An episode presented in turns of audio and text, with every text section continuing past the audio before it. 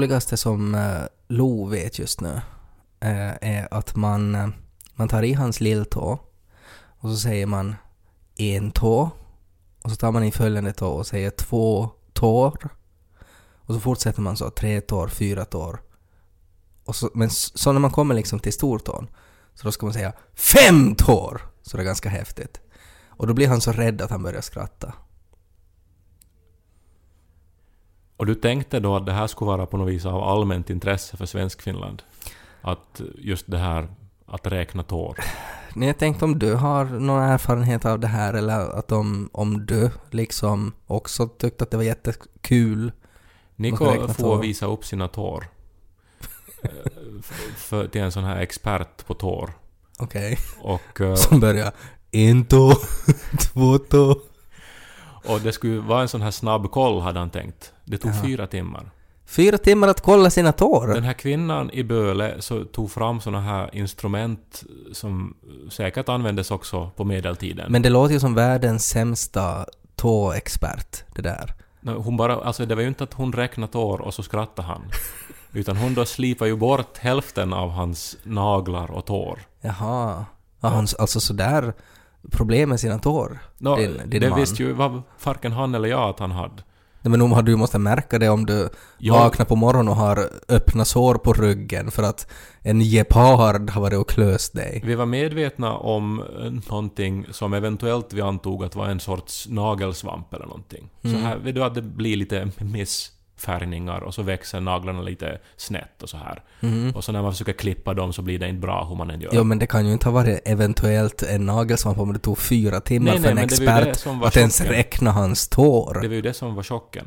Att det då tog fyra timmar. Och sen nu så måste han sm smeta in sig, alltså sina tår, med en sån här olja som doftar ungefär som ett sanatorium i Schweiz på 20-talet kan jag tänka.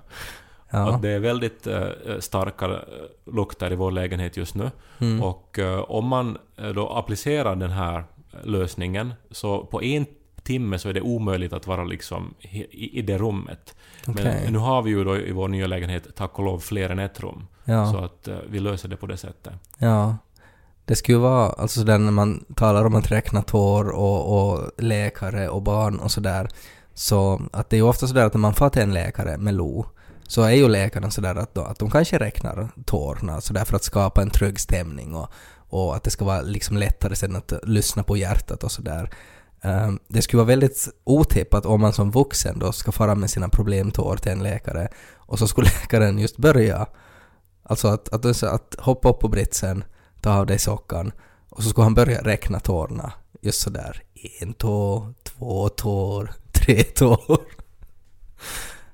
Hi upp i taket. ja, men samtidigt som det skulle vara, bli en ganska så här rolig situation. Ja, jag tycker ju att som läkare så måste man ju på något vis utgå från mötet och utgå från det här gemensamma som, som finns i både patienten och proffset. Ja. Liksom. Och, och, det är ju då någon sorts lekfullhet, någon sorts ja mänsklig humor och sånt. Jag, jag var ju nyligen äh, flonsig och, och, väldigt sjuk och sådär och det skulle vara jätteroligt om när jag, jag skulle ha varit då till en öron, näsa, halsspecialist och så skulle jag komma dit och vara sådär att jag, alltså jag är så täppt i näsan.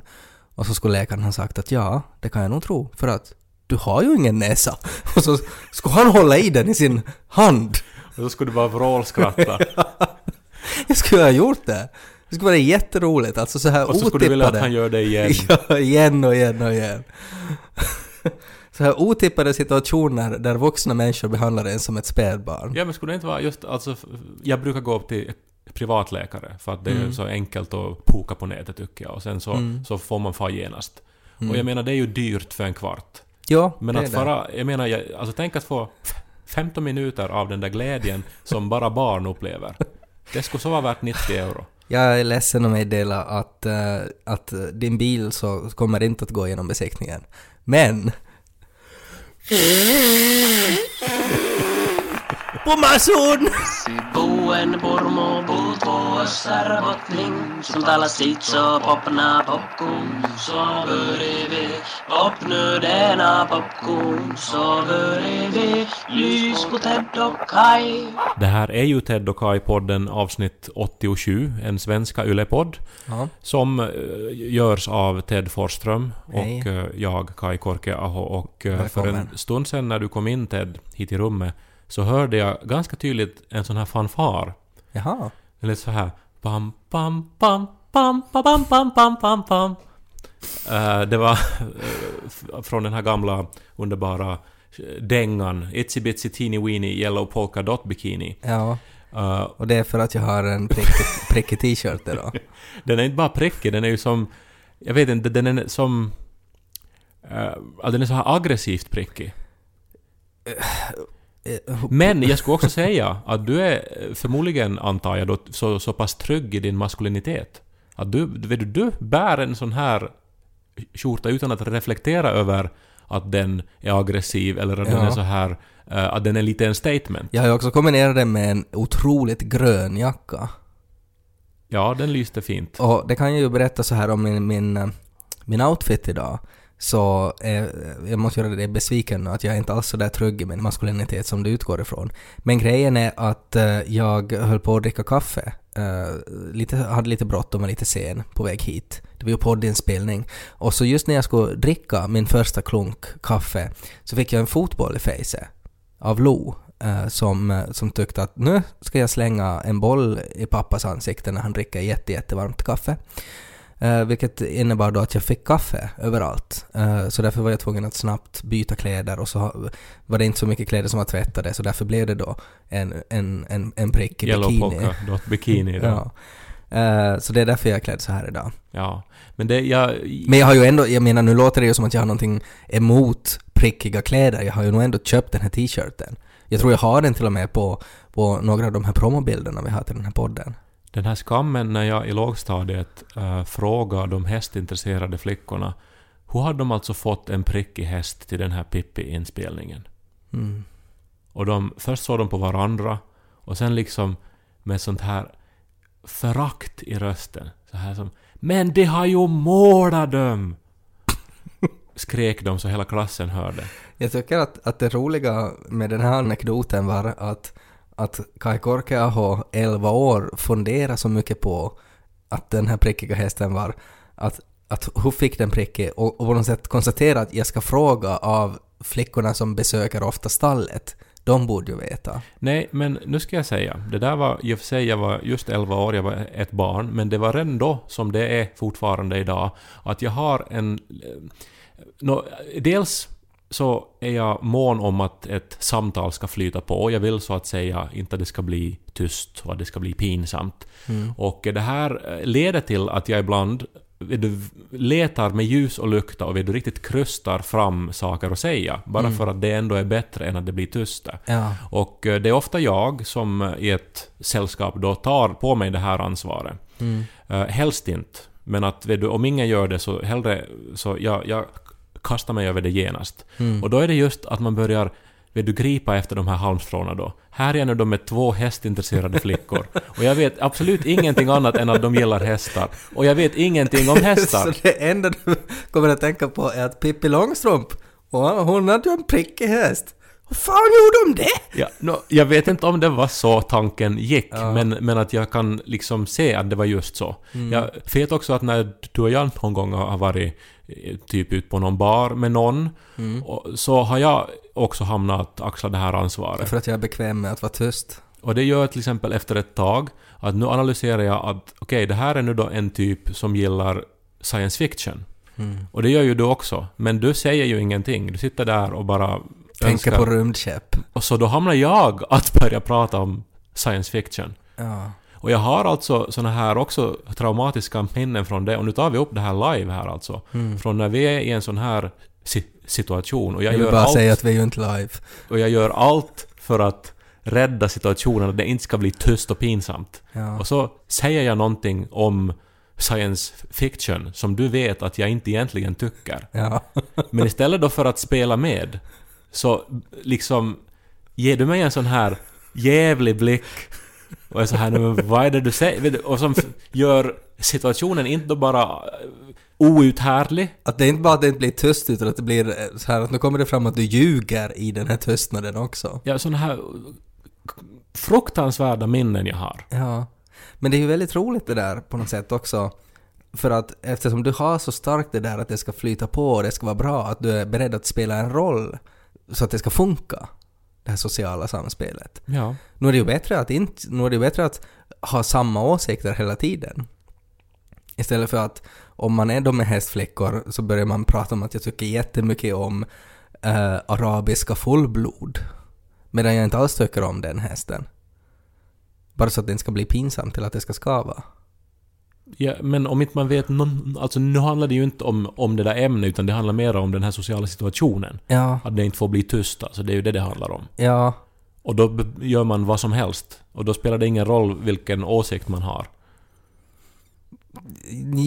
Jo, no, hmm, på ett sätt, men no, ja, samtidigt spelar det ju någon ro- roll vad man har för åsikt. Det är så svårt att jag inte kommer ihåg exakt vilken, vilken situation det där var i. För jag kan ju ha haft andra orsaker varför jag inte ville säga någonting, eller, eller, eller varför jag ge, blev så triggad av, av din replik om science fiction. Jag, jag minns också att jag uttalar den här repliken med en tydlig pik mot dig att Ted, nu är det du som borde säga det här som jag säger. Ja. Men jag har aldrig haft så här, ja. Alltså jag, jag, att ibland, om jag upplever på något sätt att jag har ett värd, eh, ett ansvar som värd till exempel. Att, jag menar, jag har ju jobbat en del med radio och, och då var det ju ofta sådär att man hade gäster som man inte alls kände och så ska man på något sätt skapa en, en så här kiva social eh, snack i, i några minuter. Och det kan ju vara ganska svårt när det är en totalt främmande person. Eh, och jag då som inte eh, tycker så jättemycket om sånt. Men i en sån situation, till exempel att jag är och möter någon där utifrån och ska liksom ta upp dem i hissen och snabbt in i radiostudion. Då upplever jag att då har jag ett så här ansvar som värd att få den här människan att känna sig trygg och få bra filis och sådär. Och då bjuder jag till jättemycket. Då kan jag liksom dra till med vad som helst så att den här människan ska liksom komma igång. Min vrede blir ju eh, så mycket större då av att det är ju jag som stammar. Och det är ju Mm. jag som inte borde tvingas ta det här Nej men ansvaret. ingen tvingar ju dig till att göra det. Nej men för att alla, upple- alla vid bordet upplever samma pinsamhet och det är någon som måste göra det. Nej men jag tror inte att alla gör inte det. Att jag till exempel upplever ju inte den här pinsamheten utan att, att du har ju då en vision, eller en sån här bild av att nu tycker allihopa att det här är lika pinsamt som jag tycker så nu måste vi snabbt fixa det här. Så du menar att det inte är pinsamt då när det är tyst, när man är eh, främmande människor? Inte alltid tror jag.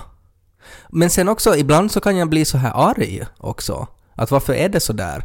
Att varför, varför är det inte den där, varför borde inte den där människan se också ett ansvar i att prata något? Ja, det blir jag också. Ja. Nu minns jag när vi en gång var på en eh, lunch tillsammans med en regissör från Stockholm som hade gjort alltså saker som vi älskar, bland annat den här... eh, eh, alltså... Nile han hade jobbat med Killinggänget Mm. och, och gjort alltså riktigt såna här humorklassiker. Och så skulle Mm. vi äta lunch med honom för att prata om samarbete. Mm. Och då blev det så här efter ett tag då, efter artighetsfraserna. Oj, vad den här pastan ser ut att ha eh, stått över natten. Haha, Mhm. så blev det tyst. Mm. Och du har ju sett Nile City lika mycket som jag. Eh, mer till och med. Och alla de här. Men det var ändå jag som hamnade då att liksom ta upp det, det faktum att vi har gjort det. Och så började jag stamma något helt otroligt minns jag. Mm. Och det blev som... För att jag var ju nervös förstås Ja. med den här människan. Och det blev otroligt konstig stämning. Och jag har aldrig kommit över det här. Men jag var ju också nervös. Men jag minns att också i den där situationen så var jag arg på honom. Att ho- inte han förstod att, att vi är liksom två nervösa barn från Finland som får äta pasta med en kärnregissör från Sverige. Att hon inte han förstår att vi vill bara höra anekdoter om Robert Gustafsson, ingenting mer. Men att han bara satt tyst. Att då, då var jag liksom sådär att okej, om han är, är, så tänker vara sådär sur så jag tänker inte säga något då. Ja, men du har rätt i det där, att det, det där värdskapet som ju alltid förpliktigar. Men sen har jag ändå i mig det där att, eh, att jag måste snabbt axla värdskapet om ingen annan gör Ja, det. men för, för, att, för att du vill inte att det ska bli dålig filis. Alltså det är ju för att det handlar ju om att du vill vara andra människor till lags. Alltså det är ju det. Att det är ju det man försöker. Alltså att om man är i en grupp med människor där ingen känner varandra och man, man, man ska liksom socialisera och prata och sådär. Att det man ju försöker är att man försöker liksom eh, på något sätt smeka allas egon lite. Så att alla blir glada och att ingen blir på dåligt humör. Att man har svårt att hantera det, att det ska bli dålig filis helt enkelt. Men du måste bara omfamna den dåliga filisen och, och bär den inom dig och ha den som en mantel. Eh, så då, då är det inget problem. Ted och Kai. Men vet du Ted vad det skönaste som finns är? Mm, Jag, jag var med om det i veckan. okej. Nej men ah, okej, det finns ju många oändliga svar på den frågan, beroende på kontext. Så är det. Och vem man frågar. Men jag skulle säga det här, när det har varit som allra mörkast och så ser man på ett ögonblick så ser man vid du, ljus, en en ljusglimt. Det är det skönaste som finns. Som att man är liksom... eh, man är fast i en tunnel och så har taket rasat på en. eh, så att ens ben är liksom krossade och man har legat där i mörker jättelänge. Och Och så har plötsligt man... hör man rösten av Sylvester Stallone Ja. och så är han med där. Mm. Som, som skriker ens namn. Ja, men, vet, det, men vet du vad? Det var exakt det här som hände. Ja, Alltså bildligt talat. Mm. Eh, lång historia kort. Eh, vi har köpt en lägenhet. Det är stridigheter mellan husbolaget och eh, en firma som har reparerat rören i huset. Mm. Säkert ganska vanligt. Ja, Men nu har de hotat då att dra hela husbolaget inför rätta. Oj då. Alltså också mig och Niko. Oskyldiga. Alltså Så- rörföretaget har hotat det. Ja. Ja. Och, och sen har det här... Vi har skitit för mycket. Allt har stockats. Kan inte göra mer nu. Ni skulle inte lägga de där pappersservetten i klosetten. Spol varenda gång! Men eh, så var vi då på ett extra insatt eh, bolagsstäm, en extra insatt bolagsstämma. Mm. För att diskutera nu då, hur ska vi göra nu då? Är det därför det heter bolagsstämma? Mm. Men, eh, och, och där var ju nu då helt vanliga liksom delägare då i det här eh, husbolaget då. Vanliga människor med vanliga arbeten. Ja, låter lite suspekt tycker jag. Om man så här att du har aldrig varit träffat det här liksom människorna i den här bolagsstämman tidigare och de skakar hand med dig och liksom säger att vi är helt vanliga människor. Vi, gör ing- vi har helt vanliga jobb. Har en sån här ormtunga som far in och ut snabbt. Det är inte rymdreptiler eller något vi. En liten svans som diskret det här dras in under bordet. Nej, det här... ehm, Men sen då så blev vi då presenterade då för problematiken av husbolagets ordförande. En jovialisk man. Men ändå, man såg att han var lika nervös som vi. Ja. Han, Men man han- vill, ju inte, man vill ju inte bli stämd. pre- Precis. Så är det ju. Och eh, ra, rada upp då olika siffror och alternativ. Och, eh, och det här... eh, Sen gav han över pollen då till, till oss. Mm. Vi vanliga människor. Var ett alternativ Sylvester Stallone på det här mötet? Nej men vi var ju i pisse här nu då. Ja. Va, va, vad vet vi? Alltså, alltså att Det är roligt då, också att, ett, att ett, ett, ett rörföretag kan göra att man hamnar i pisse. Men vad vet vi om, om liksom att bli stämd och att kanske göra en motstämning och så här? Va, vad vet vi om möjligheterna och liksom eh, u- u- utsikterna för att det ska gå bra? Nej, ingenting. Man Nej. har ju liksom biologi och, och jumpa i skolan. Man har ju inte domstol och bokföring. Ja, och vi såg ju då att i första fall nu då så är vi i rätten i som fem år och så kostar det hundratusentals Ja, euro. det blir som den här Making a Murderer. Precis. En fantastisk serie som ni alla ska se om ni har någon av de här tjänsterna som man kan se det Ja. på. Eh, men då, det är då Sylvester Stallone kommer in i Mm. bilden. Och han sitter bakom mig och Nico.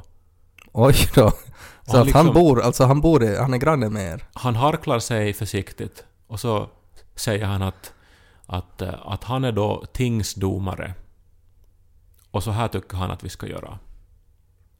Sylvester Stallone har ju spelat Judge Dredd. Ja, nå, det var, vi ska inte gå nu för, för långt på det här med att det var Sylvester Stallone. Okej. Men alltså det är ju det bästa som kunde hända. Ja. För- från att vi var då en hop med förvirrade stackars människor utan någon aning om hur vi ska liksom göra det här nu då rätt. Mm. Till att vi då inser att nu löste sig allting.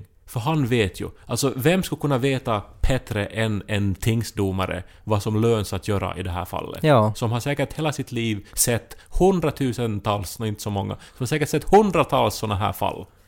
Och vad skönt att ha en sån person i ens eh, så här i styrelsen. Eller hur? Och han sa ju då så här enligt hans eh, liksom erfarenhet så ska vi göra så här och absolut inte så där. Mm. Och sen var ju alla av samma åsikt. Mm, förstås.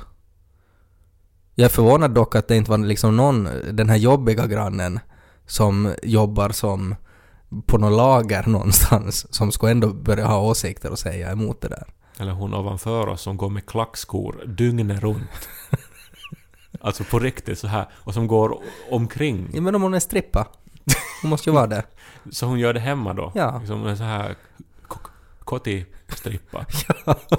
Det är väl så det heter på finska om man är hemmastrippa. Men så det är det skönaste som har hänt, tror jag. Eller det är det skönaste som kan hända. För när det är som allra mörkast och så bara rycks man upp en sån här deus ex machina. Ja, alltså att det kommer en, en given ledare som tar kontroll.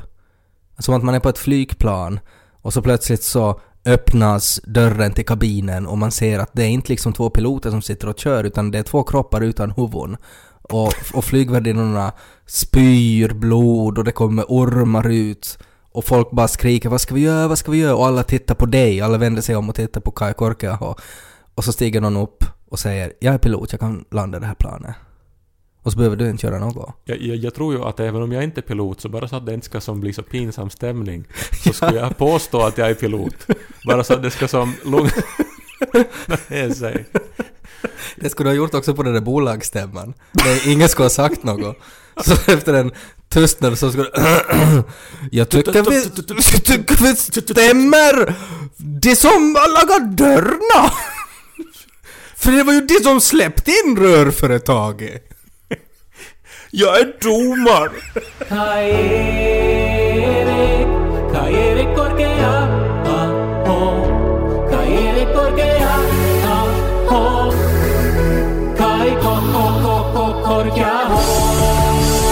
Jag åkte spårvagn på väg hit. Eh, det var väldigt tomt i spårvagnen. Eh, jag steg på vid första hållplatsen, så det var bara jag i spårvagnen. Vid kanske det andra eller tredje stoppet, fortfarande helt tomt, en gubbe med en bok steg på. Och han kom och satte sig bredvid mig.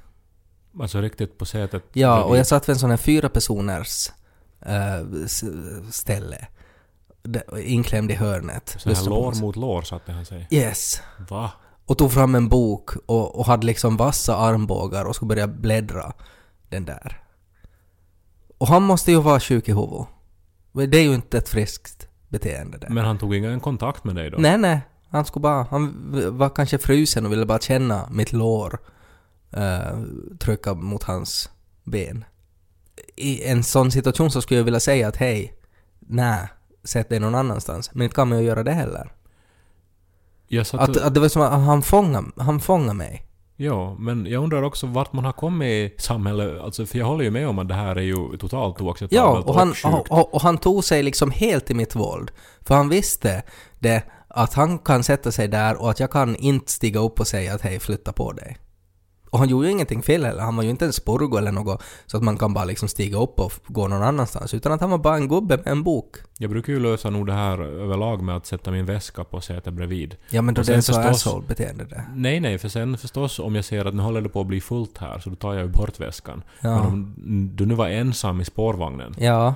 så nå förstås, då skulle man kanske inte lägga väskan för man skulle inte tro att någon är så sjuk i huvudet Nej, att de men- skulle komma och sätta sig Men bredvid en. om, om man för en liten sekund bortser från att, att han inte skulle vara sjuk i huvudet, så vad, vad är det liksom för tankar man har då? Tyckte han synd om mig på något sätt att där sitter Ted Forsström helt ensam. Jag går och sätter mig bredvid honom så blir han glad. Alltså omedelbart tänker jag på någonting sexuellt. Ja. Alltså att han eh, gick igång på Men han sätt. såg inte ut som, som en sån. Nej men inte syns det ju på människor. Alltså till, alltså till exempel skulle jag kunna anta att han hade du inga underkläder. Och så såg han, där sitter någon med en prickig t-shirt. där går det att bli bra! Ja men alltså det är nå- någonting eh, sånt här. Han hade du. inga un- underkläder och så, så var det liksom spännande då att, att vi satt så där nära varandra. Och han läste någon konstig bok och jag lyssnade på... Vad läste han för bok? Det tror jag kanske är en nyckel till den här båten. men då, det var, alltså, den hade inget omslag. Men det var inte en rom, var det en roman eller var Det det... såg ut att vara en roman. Det var en brun bok. Helt brun. Och så bara var det någon text på framsidan, men jag hann aldrig se vad det står. Jag lyssnade på en 90s playlist. Eh, Michael Jackson. Hit Me Baby One More Time också. Vilket var väldigt opassande musik att lyssna på när man sitter bredvid någon som, som inte har underkläder på sig. Var det då när, när du skulle stiga av så måste du på något vis röra i honom då för att ta dig förbi honom? Jo men då var det som en helt normal situation, att då var det sådär att jag satt och väntade, okej där ska jag av nu. Och så, så är man sådär att man fryser upp lite, så här strax innan man ska liksom stiga upp. Och genast jag steg upp så var han så ja, ja, och, och liksom på ett väldigt normalt sätt gav plats åt mig. Inga konstigheter, ingen liksom dask på rumpan eller, eller, eller något så här balla, balla, balla eller någonting. Jag tänker ju genast på en dikt av Thomas Tranströmer. Uh, fantastisk diktare som jag kan rekommendera som sommarläsning till, till allihopa där ute. Thomas Transformer. Thomas Tranströmer, han dog ju för några år sedan tyvärr, Okej. men han fick eh, Nobelpriset för fem, sex år sedan. Mm. Det är ju fint att han fick det stora erkännandet innan sin död. En, ett mycket välförtjänt Nobelpris. Hur som helst, han skrev, eh, och eh, jag måste snabbt googla den här nu, eh, för att jag vill ju inte citera hans vackra ord fel. Så här eh, går den. Mitt i livet händer det att döden kommer och tar mått på människan. Det besöket glöms och livet fortsätter. Men kostymen sys i det tysta. Men varför skulle döden inte ha underkläder på sig? Nu kan du inte blanda ihop de här två teorierna här nu.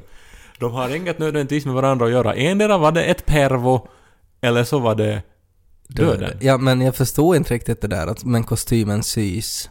Alltså vems kostym? Din kostym. Så jag ska begravas i en prickig t-shirt?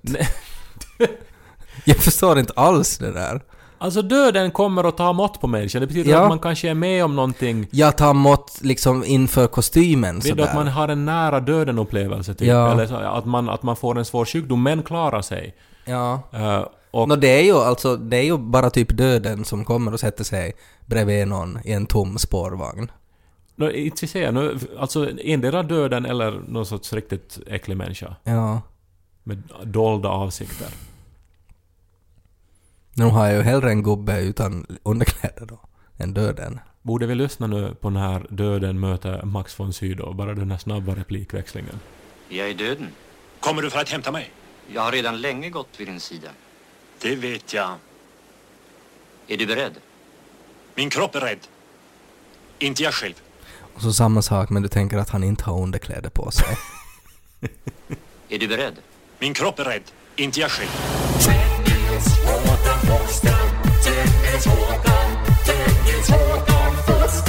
Vilket uppfriskande samtal Ted. Jag var ganska matt, som jag ibland är på måndagar. Vi bandade här på måndag. Och, eh, men så fick vi prata om allt från, från Nikos tår till Mm. Tingsdomare och, och prickiga t-shirts. och döden utan underbyxor. Mm. Och så känns det bättre efteråt. Ja. Jag är beredd att ta itu med den här sommarmåndagen då det blåser lite i Helsingfors men träden har den här köttiga färgen att man vill bara liksom på något vis suga i sig den. Man, Träd ska inte ha en köttig färg. Nej, men så här, det gröna är så här väldigt, väldigt fullt med blod på ett sätt. Jag har suttit för länge här och försökt skriva märker jag. Och du tycker att träden är köttiga och fyllda med blod. Den här tiden på året är det en speciell grön färg i träden som Ja. sen försvinner. Men en- ma- då kan du säga att den är väldigt, den är liksom klorofylld. Ja, det var ett fint ord. Ja. Vad händer i veckan? Midsommar Mm. är det ju, bland annat. Jag firar förlovningsdag, jag och Niko. Förlovad är på midsommar. Ja, eller vi valde det datumet när vi skulle gravera något i ringarna för att det är finare att fira på midsommar än någon gång i april då vi egentligen förlovar Mm. oss. Så nej, okej, så det är inte på riktigt då, det som står i ringarna. Nå, vi firar en gång i året att vi, att vi Ja. har varit förlovade ännu Ja, ett ja. år. Ja, ja. Men vilken dag liksom förlovar ni er på? Vilken är liksom den riktiga dagen? 21 Han är- april. Ja, och det har ni liksom skrivit på en lapp då, som ni har inne i något Det skåp. minns vi i våra hjärtan. Ja, Mm. men det var inte tillräckligt fint datum det att sätta på en ring. Vi fick också ringarna på midsommar. Okej. Eh, vi hade inte ringar före det. Var de, alltså någon sån här juvelerare öppen på midsommarafton? Nej, det tog länge. Vi for till en smed som smidde dem. Och han var sådär att Han har kransen på sig och ska just få ut och fira. Men han har två jobbiga bögkunder ännu kvar.